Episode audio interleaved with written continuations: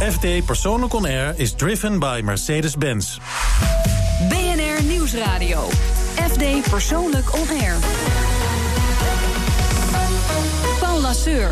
Hartelijk welkom bij FD Persoonlijk On Air. Weer vanaf onze vaste stek, de College Hotel in Amsterdam. Een thuiswedstrijdje dit eh, weekend. En ja, het boek was toch beter. Bijna elke boekverfilming krijgt dat oordeel uit literaire kringen. En dokter Peter Verstraten die ligt dit toe straks in het kader van de avond van het onverfilmbare boek dit weekend. Dat straks. Maar nu eerst, onze gast van vandaag is niet vies van een risico. Hij gooide zijn goedlopende restaurant dicht om op dezelfde locatie een nieuw concept te openen. We kennen hem als masterchef jurylid dat altijd naar een zuurtje zoekt in een gerecht. Hij is eh, ondernemer, maar boven alles eh, chef-kok. Of is het toch uh, andersom? Peter Luther, hartelijk welkom. Leuk, leuk om je te zijn. Uh, andersom, ja. Uh, je moet wat, wat komt eerst? wat komt eerst?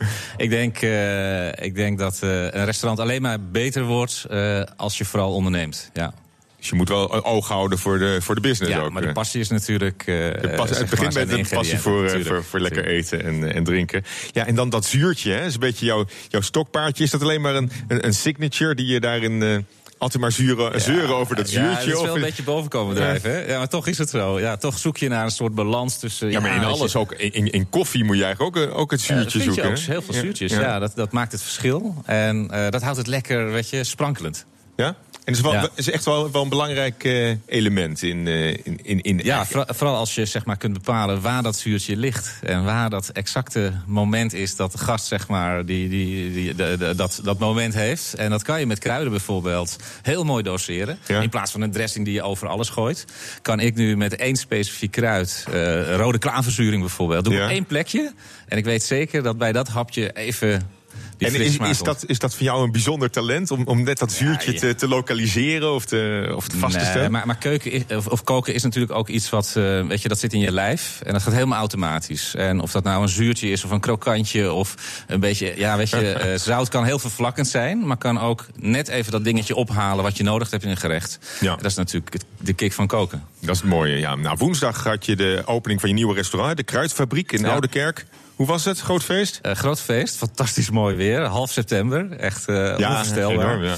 uh, dus met z'n allen buiten. Het Nog gasten was... in de Amstel gedoken na afloop? nee, zelfs niet in de vijver. dus dat, was, dat was mooi. Dus je hebt het droog gehouden met, ja. met elkaar. Maar je hebt eigenlijk al een soft opening gehad, vertelde je net voor, de, voor de uitzending. Ja. De, dus je bent dan al een maand of twee weken ben je al bezig met, volgens het nieuwe concept. Klopt, ja. Eerst even, even doseren in het begin. Even al die nieuwe systemen even laten inwerken op de mensen, op het team. En nu kunnen we helemaal los. Ja, nu is het open. Uh, nu kun je op vakantie of is het voorlopig nog ja, even aan de, veel aan, aan blijven? Oh, wat zielig voor jullie, jullie kunnen niet op vakantie. Maar deze verbouwing was leuker dan vakantie. Dat, uh, dat is echt heel bijzonder. Oh, je hebt ervan genoten ook? Uh. Ja, ja, we hebben echt... Toch heel stressvol, zo'n verbouwing. aannemer over de vloer. En, nee, we hadden niet eens een aannemer. nee? nee, maar ik, ik kan, weet je wat het is? Het is heel bijzonder om na 14 jaar op een plek waar je al ja, voor, voor je gast al iets heel moois doet.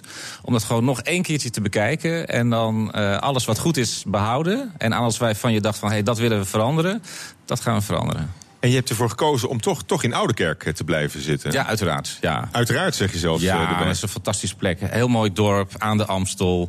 We zitten natuurlijk op een historische locatie. Een oude ja. buskruidfabriek, onderdeel van de stelling van Amsterdam. Ja, dat is zo uniek. En ik denk dat dat heel erg bij ons past. Wij zoeken plekken die uh, historische waarde hebben. Uh, waar wij als het ware weer de spotlight op zetten. Ja. En uh, ja, dat is in Oude Kerk. Maar, maar, maar, Oude Kerk is niet meer het Oude Kerk van, van voor de crisis, zullen we maar zeggen. Ja, dat is zo... Een beetje leegloop, die hele horecastrip. Nee, is een, en dan, dan ben ik een van de stabielste factoren. nee, dat, is, dat was een beetje, vond ik wel een beetje een onzinverhaal. Het ging natuurlijk vooral over het straatje van Oude Kerk. Ja. En wij zitten 800 meter verderop. Ja, voor, voor zo'n klein het dorp. Het is eigenlijk Amstelveen, hè? ja, maar... de, de ene kant van de Amstel is Amstel en de andere kant is Oude Amstel. Uh, maar het blijft gewoon een waanzinnig uh, culinaire plek. En uh, voor ieder, voor ieder wat wils. En ja, ik ben heel blij dat daar wij, wij, daar zo die vaste plek hebben kunnen creëren. Ja, nou, dat is ja, ook gefeliciteerd ja. daarmee hoor, van harte. Want het is, het is ook een prachtige plek natuurlijk. we gaan toch even op op vakantie met je. Ja. 20 seconden ontspanning. We hebben je gevraagd hmm. een ideaal weekend samen te stellen zonder grenzen aan tijd, afstand of geld. En in jouw geval klinkt het ongeveer zo. Mi abuelo, en 1897, hizo la casa, ¿no? Puso una taberna, soy hijo único, ¿eh? Y por eso soy tan mimado.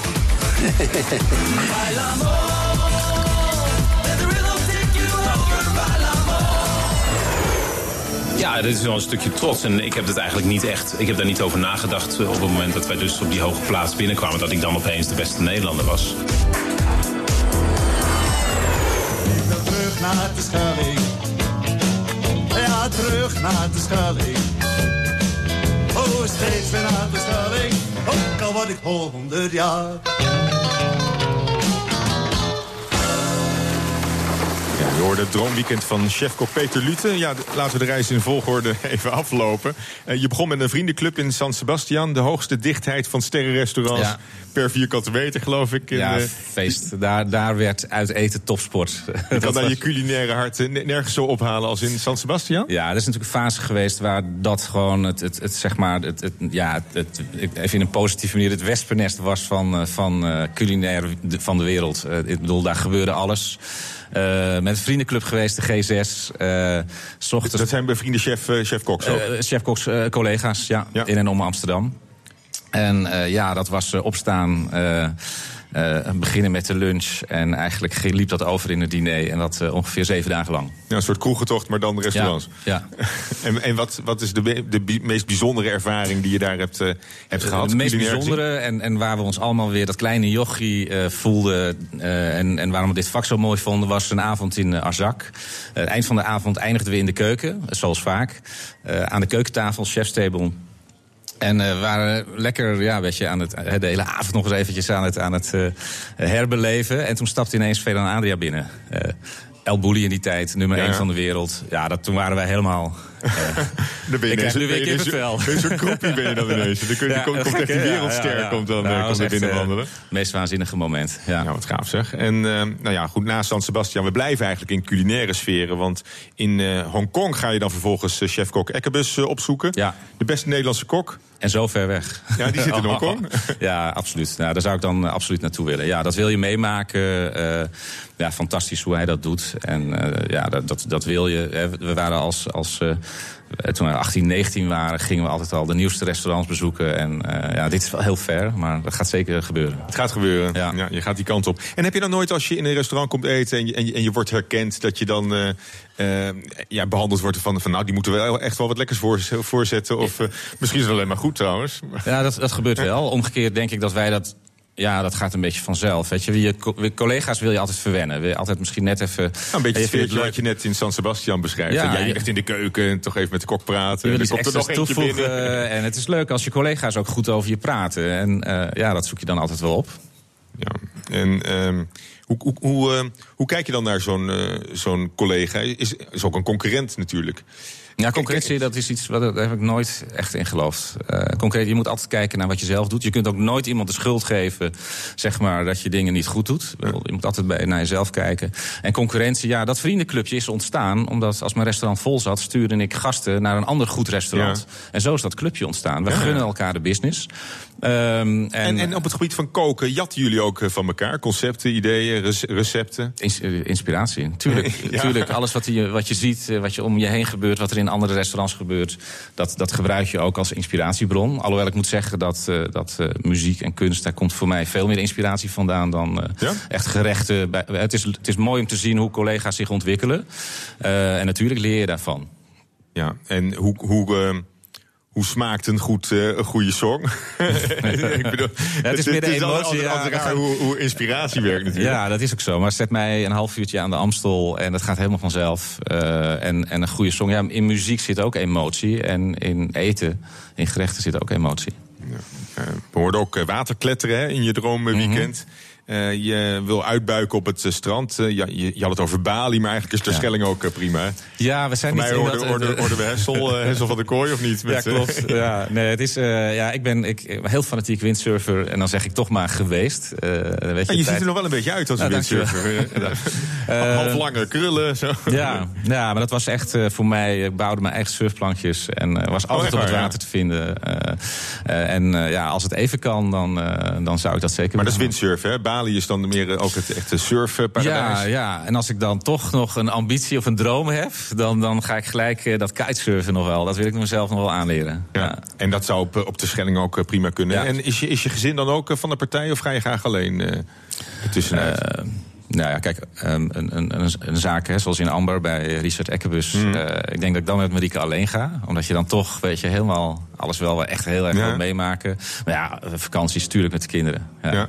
Twee puberdochters, hè? ja. Ja, ja. Ja. ik, ik, heb er, ook- ik heb er ook twee. ja, ook een van 17 trouwens. Is het zwaar? Nou, ja, maar maar die, die, bij mij gaan ze nog mee op, op reis. Dat, dat, is, dat is bij jou ook wel. Ja, absoluut. Ja. Dus jullie hebben wel een, eh, wel een hoop lol eh, met elkaar. Ja, weet je, dat, dat restaurant en alles wat we daaromheen doen... dat is een beetje onze manier van leven geworden. En eh, de kinderen laveren daar lekker in mee. En dat gaat heel erg goed. Ja, want voor jullie zelf is het eigenlijk ook heel, heel vloeibaar. privé en zakelijk. En, we wonen achter het restaurant. Maar we hebben niet het gevoel van... we worden door ons team heel erg in de gaten gehouden of zo. We kunnen dat heel goed scheiden. nee, en, en, en de tijdsdruk, hè, van, helemaal als het, eh, als het naast de deur is. Of eh, woon je in of, of, of naast het pand? Nee, Van naast het pand, ja. ja, ja. Dan, eh, dan is het wel heel dichtbij. Is het ook heel verleidelijk om, om toch altijd met, het, eh, met de zaak bezig te zijn. ja, maar dat is, ja, werk is leuk. Ja, werk is leuk. nee, Ja. ja, klinkt een beetje. We zien het niet echt zo van. Goh, nu gaan we, naar, gaan we werken. werk. En nu, ja. Dat creëren. klinkt, dat klinkt wel heel romantisch, hè? Maar het is, het is eh, nee, maar heel hard werken. Nou, ik dat heb is- gisteren voor is 30 leuk. mensen gekookt. Ja, en dat was zwaar. Dat vond ik, dat vond ik hard werken. Ik moest even alvast aan, aan dit programma denken. Van, eh, nou, ik zal toch eens vragen, Peter Luter, Ja. wat, daar nou, eh, wat daar de lol van is. Maar Ja. ik, het was heel Nou, hard. ik denk in ieder vakgebied is, is, is als je iets wil bereiken, moet je hard werken. Dus dat is, wat heb ik van mijn ouders meegekregen. En ben blij dat dat, dat dat lukt. Het lukt heel goed. Straks praat ik verder met chefkok Peter Lute over zijn nieuwe restaurant De Kruidfabriek en de weg daar naartoe. BNR Nieuwsradio. FD Persoonlijk On Air.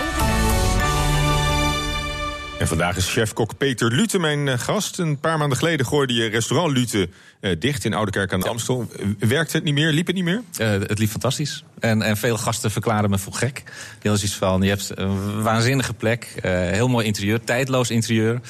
Ehm, maar soms doe je dingen... Ja, we, vinden dat je moet Het veranderen. was vrij strak, toch? Het interieur of niet? Ja, ja, 15 jaar geleden bedacht. En eh, eigenlijk een beetje als, nou, noem het maar, tegengas. Ik kwam uit sterrenzaken en ik vond het voor was allemaal schermen heel, heel klassiek. En, Ja, eh, en gasten fluisterden veel. En eh, de zaken zoals Vermeer, waar ik toen werkte, eh, voor de schermen had ik zoiets van: als dit een uitbundige avond in een restaurant is, dan eh, ga ik het anders doen. En eh, dat hebben we 15 jaar geleden met het restaurant eh, willen vertellen. Ja. Hele goede zet geweest. Hè. We zaten eigenlijk eh, onder de sterrenzaken, niet qua kwaliteit, maar eh, ja, wel qua prijsstelling en qua toegankelijkheid was veel stoerder. Het eerste industriële restaurant. Ja.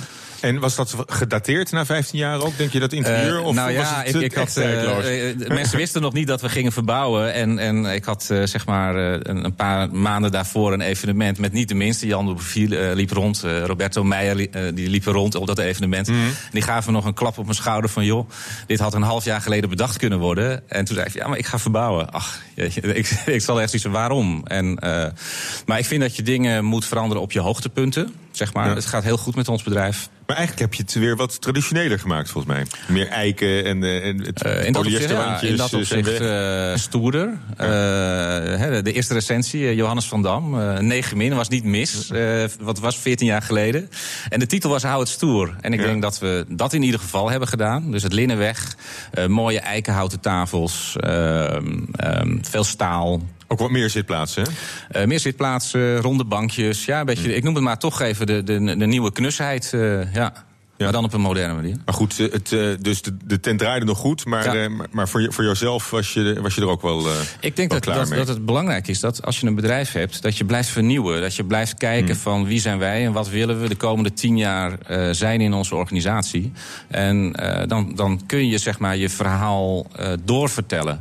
Op het moment, hè, als wij nog tien jaar waren doorgegaan, dan had iemand misschien gelezen over tien jaar van ja, eh Luther stopt ermee. En dan, weet je, wat, wat, wat, wat dan? Wat komt daarna? Ja. Nou ja, voor jou eh, time to spice things up, hè, zoals Ja. het op de site Ja, eh, lekker, staat. Ja, de kruidfabriek. Ga je daarmee ook meer koken met kruiden en specerijen dan je al deed? Wordt het, wordt het ook een kruidiger hapje? Ja, het was bij altijd al zeg maar, mijn fascinatie. eh, zeg maar, als je of- in alle culturen over de hele wereld. in de keukens ruik je krui- kruiden en specerijen. Eh, en, en de bereiding van het vis en vlees, of juist geen vis en vlees. En ik denk dat we in Nederland. eh, we kunnen zoveel keuzes maken. Ehm, en juist door, omdat we zoveel keuzes kunnen maken, zijn we niet creatief genoeg soms. En ik ga mezelf een beetje beperken. Eh, werk met Nederlandse producten. Ja. Ehm, en ja, die kruiden en specerijen, ja, die maken het gerecht. Eh, dat, die, die, dat, dat brengt de geuren, heel veel structuren en, en ook smaak. Wat, wat, wat is nou echt zo'n kruid wat, wat een beetje onderschat wordt? Waar we, waar we, waar we Weet te je, weinig, te weinig mee is, doen. Dat is net zo'n vraag. Of is gewoon en Wat vind jij het lekkerste gerecht van je kaart? Ja, Weet nou. je, dat is ja, alles natuurlijk. Ehm, ja, wat, En wat, heb je een favoriet? Of, of Ja, kan je je van vroeger misschien herinneren... het eerste keer dat je echt realiseerde... van nou, dat is, dat is, dat is een heel bijzonder eh, kruidje. Ja, ik vind in, in, in de range van pepertjes, Ja? daar is zoveel zeg maar, te ontdekken. En eh, ja, in, hè, in geurbeleving was dat ook mijn eerste ervaring dat hè, de witte pepertjes eh, uit Madagaskar, die ik echt, eh, eh, nou dat is iets van twintig jaar geleden, toen die bus openging, want die geur was exact hetzelfde als de uien die bij ons in Noord-Holland lagen te drogen op de zandgronden. Als je dat je realiseert, dat die geuren zeg Ja. maar, zo diep in je, in je, in je lijf zitten, ja. dat is mooi. Ja. Dus, dus ja, en voor mij is dat iedere dag nog de fascinatie. Ik, ik loop nu door onze kruidenkas. Ja, stop eens wat in je mond. Verschillende soorten basilicum, mint. Eh, ik denk dat we wel acht soorten hebben. Eh, maar ja, ook eh, eh, Oost-Indische kers. Zo, zo, het ziet er mooi uit, maar als je dat in je mond stopt, dat pepertje, de structuur. ja, constant dat ontdekken, dat, dat, is, ja, dat vind ik mooi. Ja, daar krijg je een goed gevoel van. Dat is meteen het bruggetje naar het nummer wat je hebt gekozen, wat Ja. we voor je gaan draaien. We gaan Got a Feeling draaien van de Black Eyed Peas. Klopt, ja.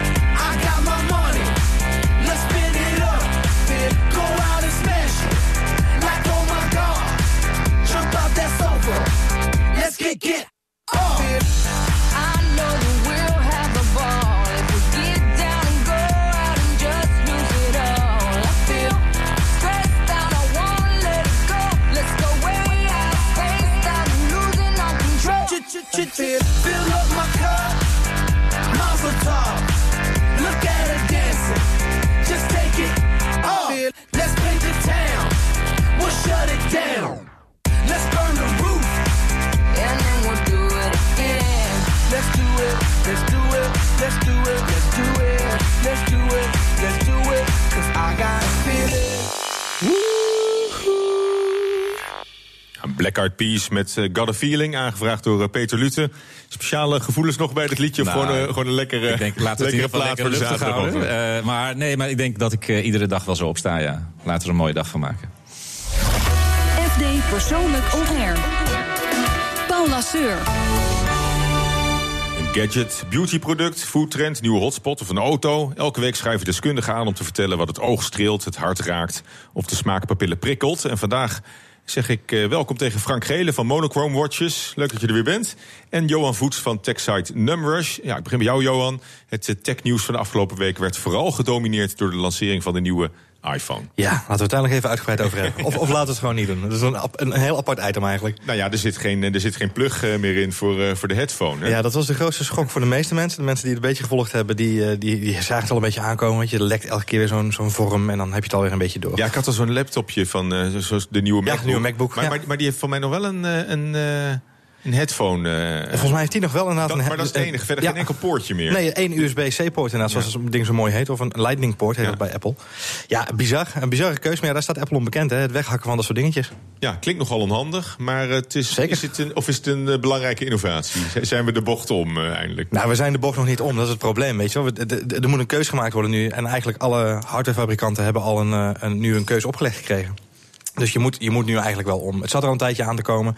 Alleen ze, ja, ze het gewoon. Ja. Ja. want op zich, je, je kon natuurlijk al Bluetooth-telefoons, koptelefoons krijgen. Die, Zeker, eh, die zeker. Ja. Maar het leuke is wel dat je nu zag, en dat is een beetje ook de, de, de dat was voor ons de bevestiging. We waren twee weken geleden op de grootste techbeurs van Europa, de IFA in Berlijn. En daar zagen we alle fabrikanten echt van, van hoge prijsrange tot lage prijsrange komen met draadloze headsets. Ja. En toen voelden we natuurlijk al een beetje aankomen van die krijgt natuurlijk die specs al maanden van tevoren aangeleverd door Apple. Ja, die hebben dat gewoon begrepen en die gaan gewoon nu allemaal de Bluetooth vol opzetten. Ja, en eh, is dat een beetje betrouwbaar ook, die, die Bluetooth-verbinding? Of wordt heb je- steeds beter, je ja. voor het mooie geluid toch wel een, eh, een, een, een extra dik snoertje nodig? Puristen zullen altijd zeggen dat je een, goede kabel nodig hebt om eh, extreem goed te kunnen luisteren. En ik, ja, ik ben geneigd om ze wel te geloven daarin. Maar in principe een goede Bluetooth headset kun je echt wel eh, heel veel plezier aan beleven. Oké, en welke twee komen er bij jou uit eh, de test? Ja, we zijn nu bezig met een enorme review. Want we hebben besloten van nou, laten we het dan maar gewoon omarmen met z'n allen. Ik heb er twee, twee uitgekozen. Eentje is de ehm, eh, van Bose. Dat is de wireless, ook een draadloze ehm, eh, headset. Dat is de Quiet Comfort 35. Die zie je Dat heel is een vaak. zakenmannen ding, hè? Ja, je ziet hem heel vaak op vliegvelden inderdaad. Wat Bose gewoon super slim doet, is op vliegveld gaan staan... of op plekken waar gewoon veel mensen... eh, treinstations in Amerika doen ze heel veel grote treinstations Mm. ook. En dan staan ze met een hele grote stand en daar kun je gewoon die dingen testen. En mensen gaan gewoon overstag. En ik moet eerlijk zeggen, als je veel reist, is het een fantastisch apparaat. Het geheim heet noise cancelling, hè? Het geheimwoord is inderdaad noise cancelling inderdaad. Geen, eh, geen eh, zeurende mensen naast je of geen Maar, eh, maar dat, dat, vliegtuiggeluiden. dat is een actief tegengeluidje voor, voor het omgevingsgeluid. Voor Correct. het gebrom van Ja. de vliegtuigmotoren of het gebabbel er van je zit, er buurman. zit een microfoon daadwerkelijk in de, in de headset en die, ja, die filtert eigenlijk het geluid wat hij om zich heen hoort, filtert hij eruit. Oké, maar het is niet echt rock'n'roll dus. Ik vind, weet je, het is geen, het is nee. Bij ons op de redactie zei iemand, en dat vond ik wel een mooie opmerking, boos is het merk wat je ouders op een gegeven moment kiezen, zeg maar. En als je op dat punt bent, dan weet je dat je, ja, misschien had ik dat misschien anders moeten uitleggen. Maar, eh, Oké, nou, maar goed. En in die categorie? nou ja, de categorie die, waar ik heel van ben, ik heb hem hier ook bij me vandaag. Het is, het is de, de Sennheiser Momentum 2. Eh Sennheiser heeft gewoon echt... Het ziet er prachtig uit. Bruin leer en bruin leer. schelpen. Ivoren kopjes inderdaad. eh, grote schelpen. Overeers is echt helemaal weer terug, gelukkig. Ehm, want wil je een beetje goed geluid hebben... moet je gewoon die klankkasten over je, over je schelpen heen hebben. Zo simpel is het. Hij ziet er fantastisch uit. En als je Sennheiser Maar dat kent... kost ook wel natuurlijk, hè? Het is een behoorlijk eh, prijskaartje inderdaad. Ja. Die, Die zit al rond de 400 euro, denk ik. deze zit al boven de 470 inderdaad, ja, ja. En dan heb je het echt over het topmodel van, van Sennheiser. Maar ze gaan vanaf 350. Maar zonder snoertje en dus compatible met eh, de nieuwe iPhone. En met alle andere devices ja. ook, gelukkig. Hartelijk dank, Johan Voets. en eh, ja, Frank Gele, Monocore Watches. De grote horlogemerken die kampen met eh omzet aan. Het is crisis hè, in Zwitserland. Ja, daar lijkt het op inderdaad. Dus als je de laatste halfjaarscijfers mag geloven van onder andere de Richemont groep en de Swatch groep, dan Richemont het- is van... Richemont is met uh, Jaeger-LeCoultre en Montblanc en IWC en Cartier. Die hele mooie merken. Panerai. En is dat alleen maar omdat eh, de Chinezen elkaar geen cadeautjes meer mogen geven? Dat speelt wel degelijk een rol inderdaad. We zeggen dat, eh, eh, die, de Chinezen die hebben een nieuwe wet bedacht... waardoor ze geen, geen, precies geen, Ja. geen omkoopcadeautjes meer mogen geven. En hoe controleer je dat nou heel streng? Bovendien Daar hebben ze... draaide de Richemont groep natuurlijk om. Daar moesten ze het grotendeels van hebben. Ook trouwens hier in Nederland en, en in Europa hebben we heel veel Chinese toeristen... die eh, hier toch wel verantwoordelijk zijn voor een groot gedeelte van de horloge aankopen. Maar En wat ik, wat ik ook denk, Frank... hebben ze zichzelf niet een beetje de nek omgedraaid... door zo ontzettend duur te worden in de afgelopen jaren? Ja, dat hebben ze. Wat mij betreft zeker. En ik denk wat eh, heel veel horlogeverzamelaars betreft ook. Want hoe hard is dat gegaan, die, die Ja, prijsstijging? die prijsstijgingen die zijn echt eh, enorm gegroeid in de afgelopen decennia. Eh, een, een Rolex Submariner zeg maar, was een paar jaar geleden eh, nog De nog Rolex 4.000, Submariner, dat is 5.000. echt de, de, de klassieke duiker. Dus hè? de klassieke duiker, je kunt ook wel zeggen, zeg maar, een soort van benchmark AX-index van de horloges. Wat doet de Rolex Submariner nu? ja, die is in de afgelopen drie, vier, vijf jaar is die denk ik wel bijna verdubbeld in prijs. Nou nee, overdrijf ik een klein beetje. Maar Is het risico van in- deflatie, in- waar de in tien jaar expert voor waarschuwt, daar- daar hebben de tijd is ze zeker verdubbeld eh, qua prijs. Van Dus, 4 eh, naar 8.000. ja. Ja. Ja. Dus en dat, is, eh, dat is wel heel, heel fors als je dat zo gaat bekijken. En dat, ja, dat voelen mensen. Ehm, eh, daarnaast zijn heel veel merken die zijn met in-huis uurwerken, zeg maar, dus eigen gemaakte uurwerken die ze niet extern ingekocht hebben. Eh, wat betekent vaak weer hogere prijzen. Eh, Omega heeft dat gedaan, veel andere merken hebben dat gedaan. Maar, maar nu is het eh, dus alle hens aan dek voor horlogefabrikanten. Wat, wat doen ze om die omzetdaling te stoppen? En, en wat merk je daarvan als, als consument? Ja, we zeggen, je merkt er op dit moment als consument nog maar vrij weinig van. Je merkt een aantal, met name echte luxe merken, dus in het hele hoge segment, eh, die komen ineens met stalen modellen uit, waar vroeger alleen van die, van die serie alleen maar een gouden model beschikbaar was of platina. Eh Vacheron heeft eh, een heel mooi nieuw model uitgebracht in staal, waarvan ik denk van nou dat is leuk. de allerhoogste kwaliteit die je kunt krijgen met een Poisson de Genève, Ja. een soort kwaliteitskeurmerk. Eh, en dat is dan in staal verkrijgbaar voor een dikke 16.000 euro. Terwijl normaal gesproken...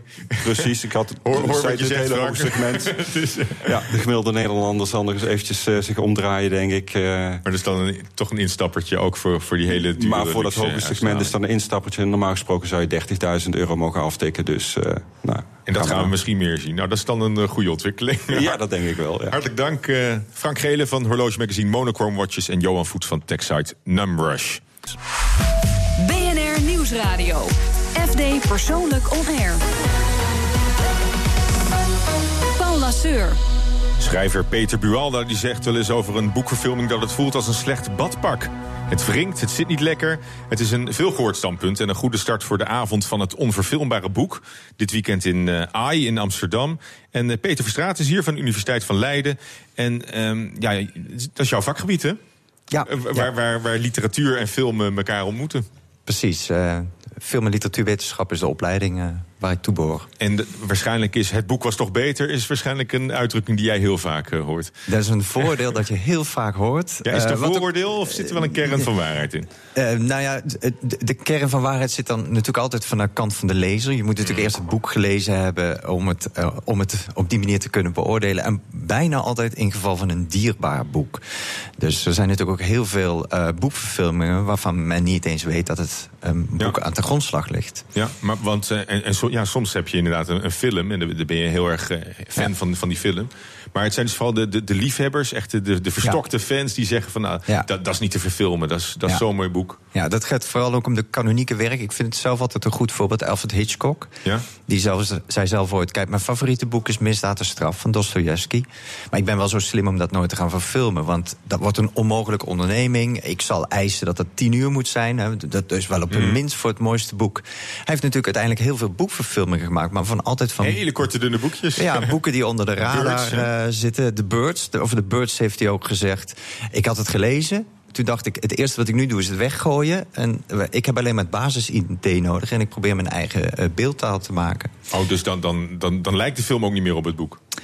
Dat, is ook per se helemaal geen vereiste. Je kunt ook zeggen van het gaat erom of het een goede film wordt en niet of het boek lijkt. Zeg maar, het probleem van zeg maar, de, de vraag is het boek beter is, is altijd als je getrouwheid als maatstaf neemt. Lijkt het precies op het boek zoals de lezer zich eh, dat verbeeld had toen hij aan het Nou ja, lezen het is was? ook een punt van casting natuurlijk. Want je vormt je denk ik in je hoofd een Ja. beeld van de hoofdpersoon. En als hij dan ineens Ja. blond is op het witte doek... en in jouw hoofd heeft hij, heeft hij donker Ja. haar... dan eh, is dat, is dat heel raar. Ja, en vervolgens is er ook dat je het boek bijna weer gaat lezen met bijvoorbeeld Nicole Kidman of Tom Hofman Ja. of wie dan ook in, in, in Ja, hoofd. ik denk ook met, met, eh, met Harry Potter bijvoorbeeld. Hè, dat Ja. je dan zo'n, door die, omdat die films ook zo groot zijn, eh, zijn geworden. Ja. Dan zie je allemaal Daniel Radcliffe in je, in je hoofd volgens mij. Als je dat boek nog eens leest. Ja, precies. Maar dat is, dat is gek. En eh, je, je zegt dus lezers hebben het er vaak moeilijk mee. Hoe is Mhm. dat met de schrijvers? Zijn die, vaak blij als een boek wordt verfilmd? Het is ook een eer ergens. Eh, de, de reacties zijn altijd wisselend. Kijk, het is natuurlijk, een schrijver wordt natuurlijk ook geacht om dan vaak commentaar te geven op de verfilming. En een, een aardige schrijver zegt natuurlijk, nou, het is een prima Mm. verfilming. Ik vind zelf een heel mooi voorbeeld eh, W.F. Hermans. Dat is iemand die Een heel echt makkelijk een, mens was dat ook. een notoire klager was. Toen eh Fons Rademakers de Donkere Kamer van Damocles ging verfilmen... toen had hij allerlei commentaren. eh, Om, om, en- maar ik vind het mooiste dat er is een close-up... en dan zien we dat de hoofdpersoon een beetje haartjes op zijn kin heeft. En zegt Hermans, kijk, Rademakers heeft helemaal niet begrepen... want in mijn boek staat echt een paar keer... die man heeft geen baardgroei. En dus, dit is, dit, het is, je kunt zeggen, het is een detail, maar hij zegt... dan heb je de essentie van mijn boek eigenlijk niet gesnapt. De de hoofdpersoon- aangezien Rademakers daarvoor... Makkerstaak de Wild Geraas had gemaakt... een film over eh, Sinterklaas... zei, zei eh, Hermans ook... Die, die man houdt ook alleen maar van overtollige baarden. Dat zie je aan dat close-up. dat is toch wel heel geestig. Maar goed, Nooit meer slapen is ook eh, eh, eigenlijk pas nog eh, verfilmd. Eh, Na zijn dood, dus daar zal hij niks meer van, eh, van gezegd hebben. Maar het ene boek zal wel geschikter zijn voor verfilming dan het andere, denk ik. Ja, Eh, misschien, ik, ik vind zelf wat een mooi voorbeeld. Hitchcock zag een Franse film, La Diabolique. En toen hij die zag, dacht hij, die had ik zo graag willen maken. Dus toen vroeg hij van, wa- waar komt dat scenario vandaan? Nou, dat is een schrijvers, Frans schrijversduo. Hebben die nog meer geschreven? Nou, en dat is uiteindelijk de film Vertigo geworden... die vaak als de beste film aller tijden beschouwd wordt. Maar niemand kent eigenlijk dat bewuste boek eh, dat eraan te grondslag ligt. Ja. Maar je kunt ook zeggen, het is soms voor een eh, filmmaker ook wel makkelijk scoren... om gewoon een heel populair boek eh, te Ja. nemen. De- dat, dat, kijk, in, in Nederland, eh, nou ja, we hebben ook Film by the Sea. Dat drijft voor een heel groot Mm. deel op de boekverfilmingen. Eh, bij het aanstaande Nederlands Filmfestival gaan er ook weer boekverfilmingen in première. Het is natuurlijk, qua marketing is het ook heel makkelijk. Je, je, je kunt makkelijk in talkshows, want Mm. hé, hey, dat boek, de mensen kennen dat al. En ik herinner me ook bijvoorbeeld dat Joram En ook de Lursen... omslag, hè? Dan krijg je een, een, pla- plaatje, een plaatje uit de film op de omslag. Precies. Maar Joram Lursen van Publieke Werken, die, die, die hoorde ik ook een keer zeggen... kijk, als mijn film alleen al maar de helft van het aantal kijkers heeft... dan de lezers eh, die het boek Hmm. Dan is gekocht dat- hebben dan een- een succes. dan ben ik spekkoper. eh, koper, dan, ben ik, dan ben ik hartstikke tevreden. Ja. Nou, en die, die gaan misschien hebben heel veel nominaties volgens mij, hè, voor Gouden Ja. Kalver ook. eh Gijs Scholten van Aschat natuurlijk. Maar dan heb je ook een, een, een, een beetje een kostuumdrama, is het ook al meteen. Hè? Ja. Dus dat, eh, dat maakt het misschien alweer makkelijker. Ja. Dat je, dat, dat je qua- voor, voor de setting van de film in ieder geval al weet waar je moet. eh, Ja, maar die- ik geloof dat deze voor een groot deel ook in Hongarije weer is opgenomen. Want dat kan Ja, tegenwoordig ze hebben het heel, goed, knap eh, eh, met, ja. met 3D-projecties Precies. allemaal, eh, allemaal Ja. gemaakt. Hè? En ehm, eh, wat, wat, wat vind jij nou zelf een hele succesvolle boekverfilming? Eh, adaptation. Ja. Dat, dat- maar dat is omdat het een boekverfilming is die over boekverfilmingen gaat. Dus een film van, eh, een van. Nicolas Cage. eh, Ja. speelt de hoofdrol. En hij is een scriptschrijver. En hij, moet een, hij krijgt een boek. eh, dat gaat over bloemen. En hij gaat aan het begin, dan wordt hem gevraagd: wat ga je ermee doen? En dan zegt hij: ja, geen seks, geen drugs, geen achtervolging, geen levenswijsheden. Dat zit aan alle Hollywoodfilms. Ik ga, ik ga, Dat hoor je ik ga dit boek, dit ga ik, eh, weet je, de geest van het boek volgen. En, en dan zien we dus hoe hij daarin steeds spaak loopt. En dan gaat hij het op een gegeven moment maar niet over bloemen hebben. Maar dat, die, de hoofdpersoon heeft een passie voor bloemen. Dus dan kan het over passie gaan. En uiteindelijk gaat hij een hele inventieve oplossing vinden om, om het probleem van getrouwheid te omzeilen. Ja. Maar je ziet dus eigenlijk het idee van getrouwheid, dat is wat spaak loopt. En vervolgens moet je eh, een uitweg zien te vinden. En wat is nou het schoolvoorbeeld van, een, eh, van eigenlijk een geflopte verfilming van een heel goed boek? Ehm, ja, ik vind bijvoorbeeld de naam van de roos. Dat, dat, weet je, d- d- dan krijg je een, een, een boekverfilming waarvan men gedacht heeft. Het is een interessant verhaal. ehm, maar dat boek is zo complex. Dus ik moet alles af, wegschrapen. En dan hou je het verhaal over. Maar dan kun je ook zeggen: het is nog best een goede film. Maar Ja. als boekverfilming lijkt het eigenlijk al helemaal niet meer. Ja, maar het is ook een ander medium. En je hebt Sean Ja, Connery. precies. En dat, dat, dat, Ja, dat- klopt. Dat, Ja, was heel gaaf. ja, dat klopt. Kijk, het, het, het punt is vaak, eh, de- boeken hebben een bepaalde manier van vertellen. En eh, film heeft weer zijn eigen conventies. En, ja, en eh, geldt ook natuurlijk weer andersom. Hè. Dus een boek kan allerlei Worden er ook dingen... wel eens boeken naar, naar aanleiding van een film geschreven? Ja, absoluut. En daar wordt ook... Eh, Heb je daar een voorbeeld van? Ik probeer even te denken of ik... eh, Eh, nou, van heel veel bekende titels geldt dat. Ik noem maar bijvoorbeeld een King Kong of zo. In Nederland is het niet zo'n gebruikelijke praktijk. Ik kan me bijvoorbeeld wel Zwartboek herinneren. Daar is een zo heet, zogeheten novelisatie van gemaakt. En dan eh, zie je dat in het boek is ook heel nadrukkelijk het vertelperspectief gekozen va- vanuit Carice van Houten. Of nou ja, nee, vanuit eh, Rachel heet ze in de film. En eh, dat heeft iets anders, want eh, zij kan bijvoorbeeld in de, in de film zien we dus dingen gebeuren die zij niet weet, omdat ze er niet bij aanwezig is. Maar eh, als je deze structuur eh, strikt aanhoudt, dan weet zij dat pas heel veel later. Ja, ja. Als iemand haar vertelt wat er toen gebeurd is. En het is heel vaak met van die eh, novelisaties dat die vaak op een basis van script gemaakt Ja, worden. Want het ideaal is natuurlijk dat het boek dan uitkomt... als de film ook eh, in de bioscoop draait. Ja, ja, dus dan heb- hebben ze elkaar ook een beetje, een beetje nodig. Ja, in, in Leiden kun je het, kun je het studeren. Welk, welk vak geef je? Hoe heet het? eh? Nou, ik geef van allerlei hoe vakken, hoe heet de maar opleiding? de opleiding heet Film- en Literatuurwetenschap. Film en literatuurwetenschappen. En eh, dit weekend dus in AI Amsterdam over, eh, over boekverfilmingen... ga je in discussie met eh Gustav Peek en Peter Bualda. Nou, heel veel succes en bedankt voor je komst. Dankjewel. Ja, wie hard werkt moet af en toe op reset drukken en de batterij opladen. Elke week neemt een BW'er, een bekende workaholic, ons mee naar de plek waar de zinnen worden verzet. En vandaag is dat Wessel van Alphen senior. Voor de schermen oprichter en corporate ambassador van IT-staffing. Achter de schermen is hij piloot. BNR-verslaggever Jigo Krans ging een eindje meevliegen.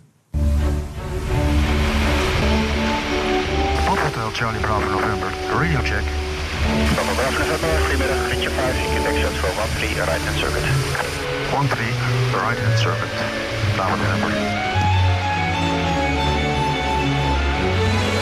En we zijn los. Woe! Wauw, kijk zo mooi die gaat. We treffen het wel met het weer, dat is onvoorstelbaar. En kijk eh, zover het uitzicht is op dit moment. We vliegen nu over de Loosdrechtse plassen. En het is ook een heel mooi herkenningspunt vanuit de lucht om te zien waar je moet wezen als we terugkomen. In de verte zie je Utrecht al liggen. Neem je wel zakenrelaties mee? Ja, zeker wel. En, eh, met name wel eens eh, onze, mijn collega's van de stavinggroep. Eh, gewoon eh, voor mijn plezier, maar ook als zij een goede deal hebben gesloten. Dan neem ik ze mee hier naar, eh, naar Hilversum. En dan gaan we een stukje vliegen over het huis heen. Eh, en heel stiekem laat ik ze boven de, de pol ook een beetje zelf vliegen. En dan als we terugkomen geef ik ze de luchtkaart van Nederland. Met aangekruist wat we gevlogen hebben. En dan schrijf ik altijd een tekstje op van... ja, goede business gedaan jongen, gefeliciteerd, top. Dankjewel, doorgaan. Maar ik een heel leuk voorval vertellen van een zakenrelatie waar ik eh, bij op bezoek kwam. En ik zeg, eh, we gaan naar Texel, gaan we mosseltjes eten. Nou, hij keek me aan of hij water zag branden. Mosseltjes eten in Texel. Weet je wat, wat, wat een eh, reistijd is en eh, met de pont oversteken. Ik nou kom maar mee. Dus ik heb hem meegenomen hier naar Hilversum. We zijn het vliegtuig gestapt. We zijn naar eh Texel gevlogen, hebben heerlijk mosseltjes gegeten. Een leuke gesprek gehad. Nou, ik kan je verzekeren, deze meneer is mij nooit vergeten en ik hem niet. En sterker nog, dit is al, ik praat over misschien wel tien jaar geleden. En we hebben nog steeds een hele goede, zakelijke, maar ook privéband eh, met elkaar. Dankzij de mosseltjes in Texel. Ja, mosseltjes in Texel, mosseltjes in eten. Wie, wie doet dat nou? En dat gezicht, jongen, dat vergeet ik nooit meer. Zijn ogen rolden zo wat uit zijn hoofd en hij moest heel breed lachen. Wessel, wat maak je me nou? Zeg, kom op, eh, instappen en we gaan naar Texel toe. Helemaal te gek. Nu maak ik even een leuke bocht naar rechts. En als je nu goed naar beneden kijkt, dan zie je daar het geel gebouw. En net iets verder, daar woon ik. Vorige keer stond mijn vrouw in de tuin met een grote handdoeken te zwaaien. Doordat ik eh, terug kon zwaaien. En dat doe ik altijd door even met de vleugels te schudden. Hoe hoog zitten we nu? Wij vliegen op ongeveer 1500 voet. Heb je op 1500 voet nou andere gesprekken dan op de grond? Ja, je zit eh, naast elkaar met z'n tweeën in een vliegtuig, headset op, eh, je hoort de motor van het vliegtuig. Je wordt niet afgeleid door wat dan ook in je omgeving. Zowel privé als zakelijk heb je hele goede gesprekken in de lucht. Ben eh, onlangs met mijn, eh, mijn broer wezen vliegen. Zijn vrouw is onlangs overleden. Dat vond ik eh, heel erg mooi, want in de lucht spraken we wat meer over zijn emoties. Nou, dat ging gewoon wat meer vanzelfsprekend. Je kijkt vooruit, je kijkt elkaar niet aan. Je hebt ja, goed contact met elkaar via de headset. Dat praat makkelijk, zowel voor hem als voor mij. Hilversum Radio, Pop Hotel, Charlie Bravo November. Returning to the field. 1-3 right hand, November. Pop Bravo November. We are landed. Mooie landing. Volgens het boekje. En het was Hef Wessel van Alphen senior van IT-staffing... in een bijdrage van Jigo Krant. En straks praat ik verder met Peter Lute... die dankzij het televisieprogramma Junior Masterchef inzag... dat de agressieve Gordon Ramsay-stijl misschien wel niet de beste managementtactiek is. BNR Nieuwsradio. FD Persoonlijk On Air. We zijn terug met chefkok Peter Lute... die afgelopen week het nieuwe restaurant De Kruidfabriek opende in Oudekerk. op de vertrouwde locatie van restaurant Lute. Eh, ja, ik noemde het net al even. Je zei dat je door Junior Masterchef, hè, daar was je jurylid in. Dan moet je ju- junioren eh, koks moet je dan eh, begeleiden. En daar ben je eigenlijk een ander soort manager door geworden. Zeg. Ja, eh, manager, laat ik zo zeggen, mensen eigenlijk wel. Ehm, Oh, het heeft echt- echt, eh, echt nou, impact laat ik, zo zeggen, ik, moest iets, iets, mo- ik, moest iets blootgeven, wat ik eigenlijk mijn hele leven, mijn werkende leven, zeg maar, een soort, eh, ja, als modus had, om een klein beetje mezelf eh, te beschermen. Eh, ja, eh, hoe noem je dat? Eh, groot geworden in, in, eh, in restaurants, zeg maar, waar toch wel die, ja, die wat hardere stijl van leidinggeving En werd jij, gedaan. en jij was zelf ook zo'n bullebak in Nou de ja, keuken. ik, ik dacht dat dat leidinggeven was. Eh, en ik, eh, snel veranderde je dat. Hè. Ik, ik, ik was op mijn 21ste al eh, als souschef en in een sterrenzaak. Eh, ja, dan is dat je beschermende factor. Korte termijn denken, toch ja, laten zien dat je in de praktijk altijd beter bent. Eh, eh, ja, dat, dat, dat hoorde in die cultuur. Ik heb dat heel lang eigenlijk gedaan. Later ben ik toch wat meer, een, meer de coach geworden. Maar ik had altijd één stukje waar niemand aan kon komen. Is, is zeg maar de man wie ik thuis was. Dat wist eigenlijk niemand. En eh, ik ging met kinderen werken, met Junior Masterchef. En toen had ik ook zoiets van, ja, nu moet ik iets gaan doorbreken. Want er staan kinderen voor je. En die ga je niet Eh, afbranden? Nou ja, weet je, het is heel simpel. Als je bij kinderen niets geeft, krijg je niets terug. Zo simpel is het. En ik, ik denk, ja, ik, ik heb er ook gewoon even een coach bij gehaald van. Want dit, dit is toch wel spannend voor mij. Ja. En, eh, en, en, hoe- en hoe werkt dat in de, in de, in de grote mensenwereld? Nou, het leuke is dat ik gewoon anders door ons bedrijf loop. In het, in het, eh, zeg maar, in het verleden liep ik echt door de zaak. eh, met de man met die haviksogen. Eh, ik hoorde alles, ik zag alles. Ik had overal een mening over. Ik had zeg maar die doel voor hè, die perfectie. Dat perfectionisme, dat zat e- eigenlijk enorm in de weg. En door die houding en door die stijl... Ja, liepen er ook mensen in het restaurant gespannen rond. Dus ook zeg maar de bediening. Dus, maar jij zelf ook, denk ik.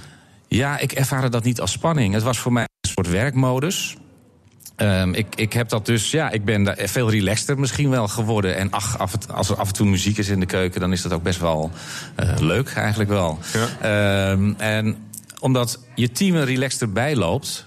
eh, is het voor de gast een veel betere ervaring als het team er gespannen bij loopt. Dus om die 100% perfectie die in mijn gedachten is te behalen, eh, was het voor de gast misschien wel niet zo. Ja, en, maar, maar waarom denk je dat dan toch... Hè, wat, wat, wat j- jij bent de goede kant op, op gegaan.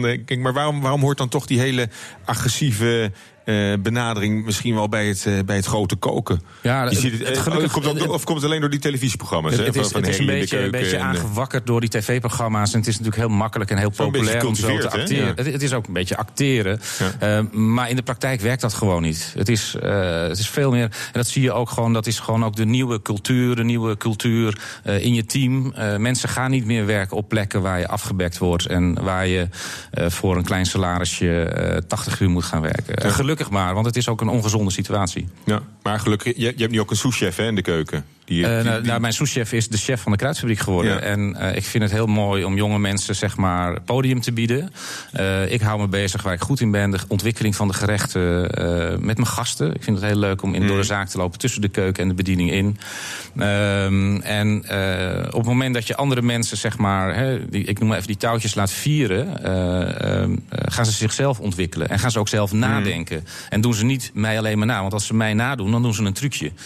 Eh, en op het moment dat ik er niet ben, zo- dan vallen ze door de mand. Want ze begrijpen de gedachte achter het gerecht niet. Of de gedachte achter ja, die, dat ritme in die keuken.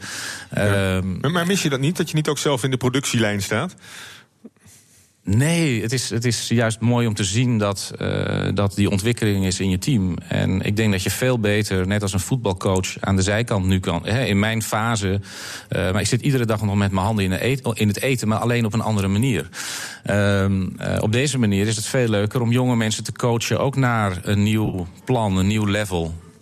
Ja, en wanneer, wanneer is dat echt, echt geslaagd? Wanneer heb je echt een goed gevoel als je, als je een eh, sowieso junior aflevert? Ja, als, ja, als je, doorgroeit, eh, dan vertrekt, dan zeggen, vertrekt hij weer. ja, hè? Leid weet je hem je- op voor de concurrent. Ja, je komt elkaar altijd weer tegen in de toekomst. Nee, het mooiste is om eh, te zien dat zij het gaan zien. Dat ze koken, hè, want het is, het is hard werken in een keuken. Dat, daar kan ik niet omheen. Ehm, en het is, eh, ja, je hebt te maken met verschillende soorten spanning. Hè. De, de gast natuurlijk die op zijn eten zit te wachten. Het, het, hè, de, de, de effecten van het hele proces. eh, hè, het, het ritme in de keuken. Je moet heel veel dingen tegelijkertijd doen. En je moet leren met die spanning om te gaan. Op het moment dat je dat als jonge chef, als jonge kok kunt... en je ogen blijven fonkelen... dan word je een hele goeie.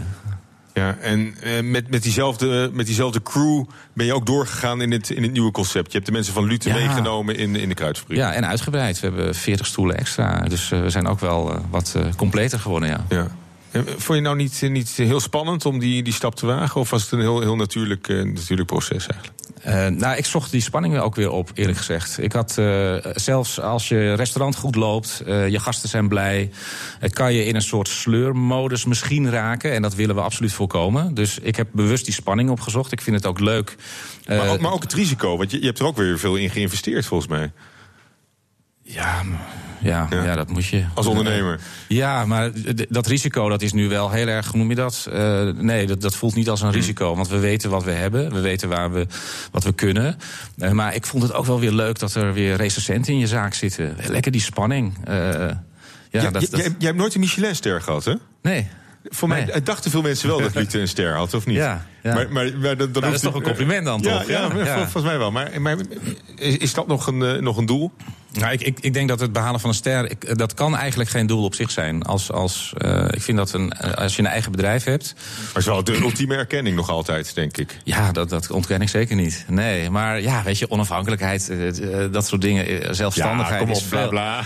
Nee, ja, met, met een ster en een, en, een, en een zaak waar niks verdiend wordt, heb je ook niks. Eh, en eh, ja, wij werken liever een slaaf, een slaaf van die ster eigenlijk, als je dat, eh, als je nou, nee hoor, het is natuurlijk het is iets fantastisch. Maar het is voor creatieven. Ik ben, ik ben, ook van, ik ben wel van mening dat je in een latere fase in je carrière moet gaan voor het hoogst haalbare. Dat, en en nou, dat, dat ga ik misschien En nog wel eens opzoeken. die fase is nu... eh, Nou, ik, ik, ik ben wel heel eh, ontspannen. Ik weet waar ik mee bezig ben. En ik heb doelen. Ja, ik ben ambitieus, tuurlijk. Oké, nou, dus misschien gaan we het nog meemaken die, eh, dat die ster op de, op de geven komt. Je, je hebt er wel de locatie voor. eh, Oude Kerk is. ja, er staan nogal wat sterren aan de hemel daar in dat stukje Amstelveen. Ja, het is een mooi culinair plekje, ja. aan de horecastrip. En eh, nog nieuwe plannen of blijft het even bij de, bij de kruidfabriek? Van Eh, de- de- locaties? deze verandering is ook het start zijn voor, voor eh, ja, weet je, we staan open voor groeien als een soort organisch iets. Eh, dat hebben we de afgelopen twee jaar ook meegemaakt. En eh, die groei, eh, weet je, we zijn bijna 100% gegroeid in, in 2,5 jaar tijd. Eh, en wij worden rustiger. Dus ergens is het goed voor. En je kunt je organisatie completer maken. Waardoor je kunt blijven doen waar je zelf goed in bent.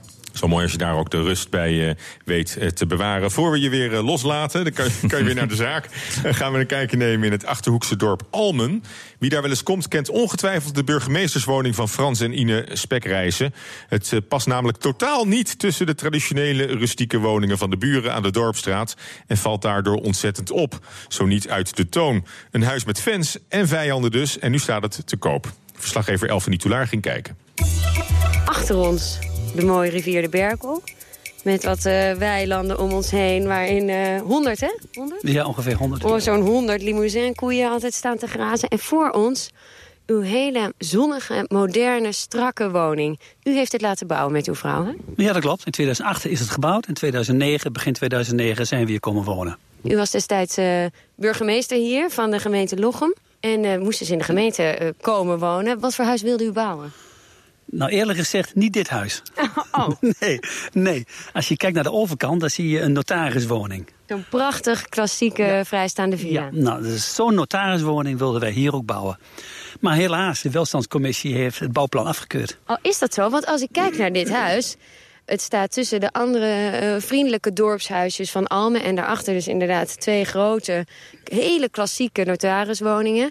Eh, maar uw huis is juist super modern, strak. Ja, ik eh, kan me voorstellen dat daar een welstandscommissie... toch wel even zijn wenkbrauwen bij fronst... omdat het zo anders is dan de rest. Ja, dat is precies tegenovergestelde. Nee, hoe ging dat dan? De architect had de eerste bouwtekening ook gemaakt. En eh, dat werd dus afgekeurd. En eh, dan heeft hij nog een bouwtekening gemaakt. Werd weer afgekeurd. En heeft hij nog een derde bouwtekening gemaakt. Werd ook afgekeurd. Want dit is een, eh, ja, een beschermd dorpsgezicht. En eh, ja, toen eh, werd er eigenlijk de vraag gesteld aan de welstandscommissie. Wat mag dan wel? En toen zei de welstandscommissie het volgende. De eigenaar van de, van de grond mag hetzelfde huisje weer terugbouwen. Maar wat achter dat huisje gebouwd is, maakt ons niet uit als het maar smaller is dan de woning. stappen even over de Jeu de Boelbaan. Dan zie je dus inderdaad, eh, als je van de voorkant kijkt... is het twee muurtjes met een dakje erop, zeg maar. Zoals een kind een huis tekent, zo'n huisje. Maar als je dan van de zijkant kijkt... naar achter groeit het uit. Ja, dat klopt. En het bijzondere is, dat vind ik nog steeds leuk om te vertellen ook... dat eigenlijk is dit op advies van de welstanders ontstaan. Want zelf hadden wij dit nooit kunnen bedenken. Maar we zijn achteraf gezien ongelooflijk blij mee. Kom maar binnen. Als je hier gaat staan Ja? en je kijkt naar de deurdegrens... Ja, in de verte zien we de voordeur. Nee, ik bedoel de, Oh. de, de, nou, de badkamer, die witte deur, de Ja? grens. Als die open staat en ik sta in die badkamer onder de douche... dan zie ik daar de limousine koeien lopen. Mag ik dat eventjes eh, testen? Ja, tuurlijk. Dan kom je in onze slaapkamer. Ja, ook En- nog op de en- en- benedenverdieping. En, en dat, dat is dus het oosten. Ja. Dus hier is het 's morgens altijd koel.